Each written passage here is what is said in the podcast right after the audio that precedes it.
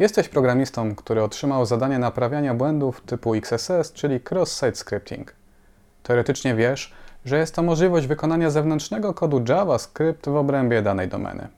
Z drugiej jednak strony nie do końca rozumiesz pośpiech i konieczność ich naprawiania. Przecież samemu tworzysz kod na co dzień, więc co może się stać? A może jesteś prezesem firmy bądź osobą odpowiedzialną za bezpieczeństwo i nie wiesz, jak wyjaśnić ten problem osobom mniej obeznanym w technologiach? Ten odcinek jest właśnie dla Ciebie. Postaram się w nim wyjaśnić przy użyciu prostych przykładów, jak ataki XSS mogą wpłynąć na biznes, także od tej finansowej strony.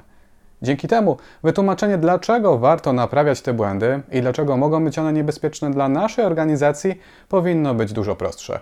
Zaczynajmy. Każda nowoczesna strona internetowa składa się z kilku części.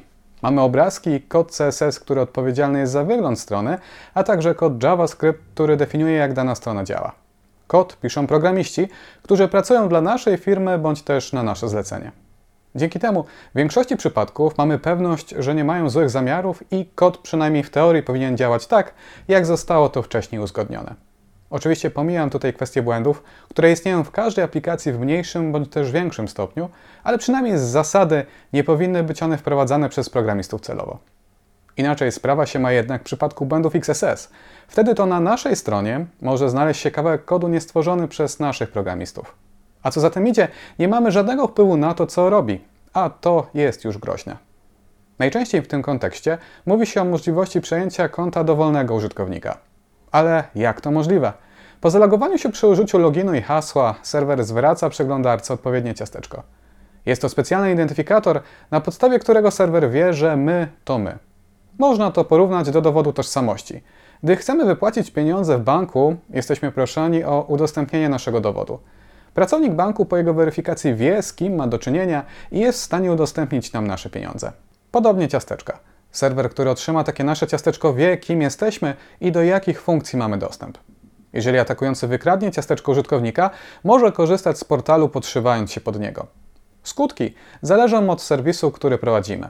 Jeżeli celem padnie rządowa strona prezydenta, ktoś może wypuścić w świat kompromitujące informacje. Gdy wyciekną dane konta bankowego, atakujący ma dostęp do historii transakcji oraz stanu naszego konta. W przypadku sklepu internetowego może zmienić cechy produktów, ich stany magazynowe, czy też po prostu numer konta, na które ludzie wpłacają pieniądze. A jeżeli dostanie się do naszej poczty internetowej, może przeglądać jej zawartość i wysyłać wiadomości do innych użytkowników. Możliwości jest wiele, wszystko zależy od wyobraźni atakującego, ale nie zawsze wykradanie ciasteczka jest możliwe. Wtedy to stosuje się metody socjotechniczne, czyli przy pomocy odpowiednich komunikatów próbuje się przekonać użytkownika, że jakaś wiadomość jest prawdą, pomimo tego, że prawdą nie jest. Najprostszy przykład to zmiana wyglądu strony internetowej. Jeżeli ktoś posiada dostęp do kodu JavaScript strony, może zmieniać jej treść w locie, to znaczy dodawać, usuwać lub modyfikować treść w czasie rzeczywistym, tak jakby posiadał magiczną gumkę. W każdym momencie może wybrać odpowiednie miejsce, usunąć jego treść, a następnie zamienić ją na nową, stworzoną przez siebie. Taka funkcjonalność może zostać wykorzystana do stworzenia fałszywej strony logowania. Fałszywej, czyli takiej, która wyświetla się użytkownikowi nawet, jeżeli jest on obecnie zalogowany. Ale po co? Przecież atakujący i tak ma już dostęp do naszego konta. Owszem, dostęp może mieć, ale nie zna naszego hasła, to trochę jak z kradzieżą nowoczesnych telefonów. W większości przypadków nie wystarczy, że przestępca ukradnie nam nasz telefon. Aby z niego korzystać, musi posiadać nasz kod PIN, który pozwoli na odblokowanie wszystkich jego funkcji. Podobnie tutaj, poznając hasło użytkownika, może je wykorzystać chociażby na innym serwisie internetowym. Często zdarza się bowiem, że używamy tego samego hasła na różnych witrynach.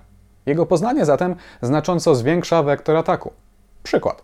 Atakujący zaatakował stronę naszej biblioteki, co samo w sobie nie za wiele mu daje ale tego samego hasła używamy również na naszej poczcie internetowej. Ponieważ podaliśmy ją na fałszywej stronie logowania, może on teraz zalogować się także do innych naszych serwisów. Ale to nie wszystko. Większość stron pozwala na przypominanie hasła. Operacja ta jest możliwa po potwierdzeniu naszej tożsamości, a robi się to poprzez kliknięcie w link, który przechodzi na naszą skrzynkę mailową.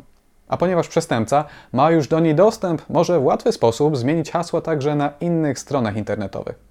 Nie zawsze celem ataku są konkretni użytkownicy. Zdarza się, że większe pieniądze można zarobić atakując samą firmę.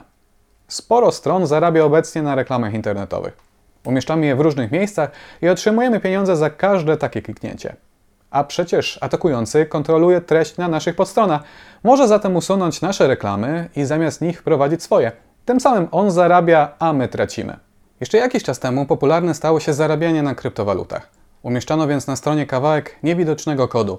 Z punktu widzenia graficznego nie zmieniał on niczego na naszej stronie. Wpływał jednak na komputery odwiedzających, wykorzystując ich procesory do wykonywania skomplikowanych obliczeń. Im większa widownia naszej strony, tym więcej komputerów pracowało dla atakującego. A traciliśmy my. Kod taki powodował bowiem, że komputer bardzo szybko przestawał reagować na polecenia użytkownika, co znacząco wpływało na jego irytację.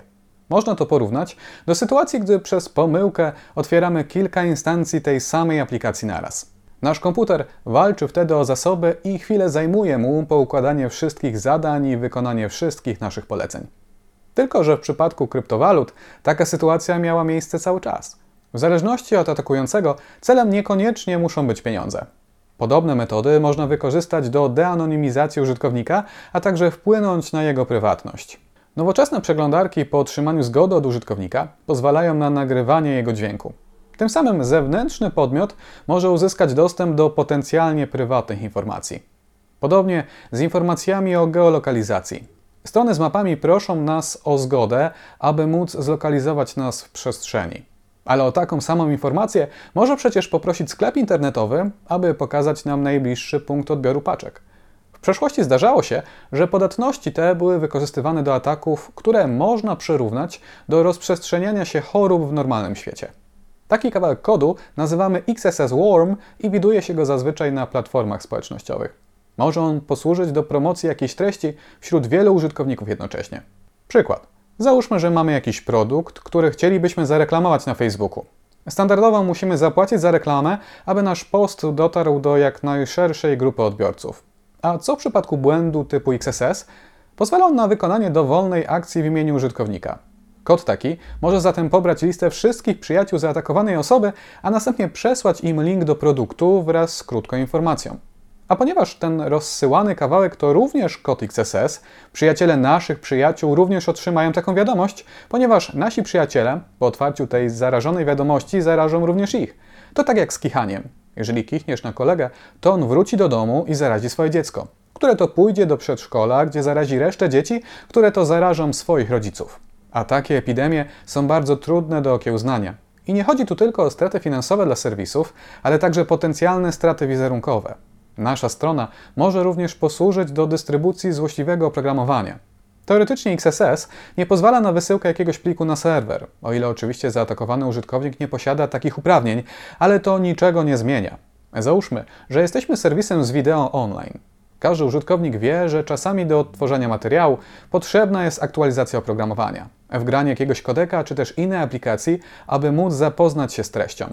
Pomysłowy atakujący może przestać wyświetlać nasze filmy i zamiast tego umieścić informacje o konieczności aktualizacji oprogramowania. Taki odnośnik może prowadzić do zewnętrznego serwera ze złośliwym oprogramowaniem. A ludzie pretensje będą zgłaszać do nas. Ucierpi nasza reputacja, bo to my przekierowywaliśmy ich do tego pliku.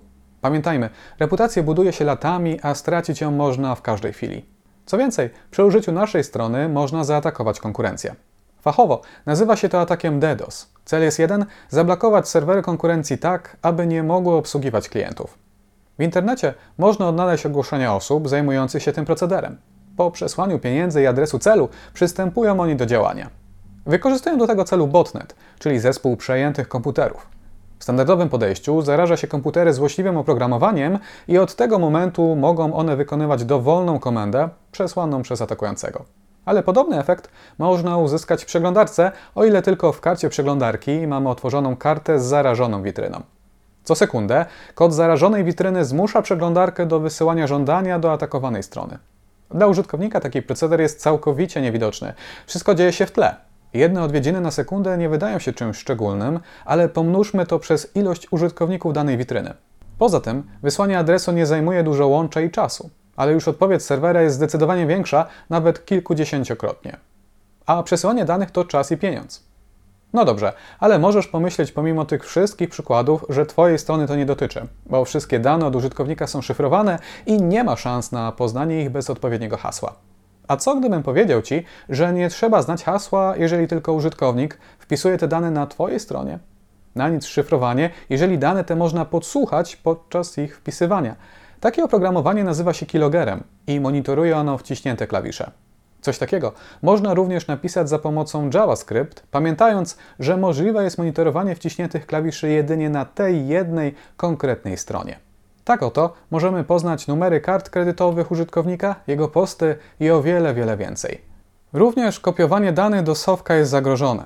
Nowoczesne przeglądarki umożliwiają dostęp do schowka, jeżeli użytkownik wciśnie na Twojej stronie kombinację klawiszy Ctrl plus C. Wtedy to można podmienić numer konta na zupełnie inny, a to już brzmi interesująco. Sprawdzasz, czy numer konta na stronie się zgadza z tym na fakturze. Wszystko jest ok, więc kopiujesz go do schowka, a tam niespodzianka. Treść się nie zgadza i pieniądze zostaną wysłane zupełnie gdzie indziej. Warto tu jeszcze wspomnieć o jednej rzeczy. W przeszłości część ataków XSS nie dochodziła do skutku dzięki XSS Auditor. Było to narzędzie wbudowane w przeglądarkę Google Chrome, które starało się rozpoznać część ataków XSS. Od pewnego momentu nie jest ono już dalej wspierane i zostało usunięte z przeglądarki. Dlaczego? Nie było skuteczne tak, jak mogłoby się to na pierwszy rzut oka wydawać. Bardziej zaawansowani atakujący dalej byli w stanie je ominąć. Poza tym mechanizm ten był traktowany jak plaster na małą ranę. Wielu twórców witryn nie naprawiało błędów XSS, twierdząc, że nie ma to większego sensu, bo ich użytkownicy byli chronieni. A to złe podejście. XSS to bowiem błąd programistów witryny, a nie twórców przeglądarki. Lepiej go załatać, niż czekać, aż ktoś zrobi to za nas. No bo co z innymi użytkownikami przeglądarek, które takiego mechanizmu w przeszłości nie posiadały? Traktujemy ich gorzej i zwiększamy ich szanse na atak? I to już wszystko w tym odcinku. Mam nadzieję, że teraz już rozumiesz, dlaczego podmiana kodu JavaScript może być tak niebezpieczna i dlaczego powinno się tą podatność naprawiać jak najszybciej się da. A jeżeli masz już dość tłumaczenia po co i dlaczego, podeślij ten odcinek znajomym. Spodobało się? Zobacz inne moje filmy. Do usłyszenia. Cześć!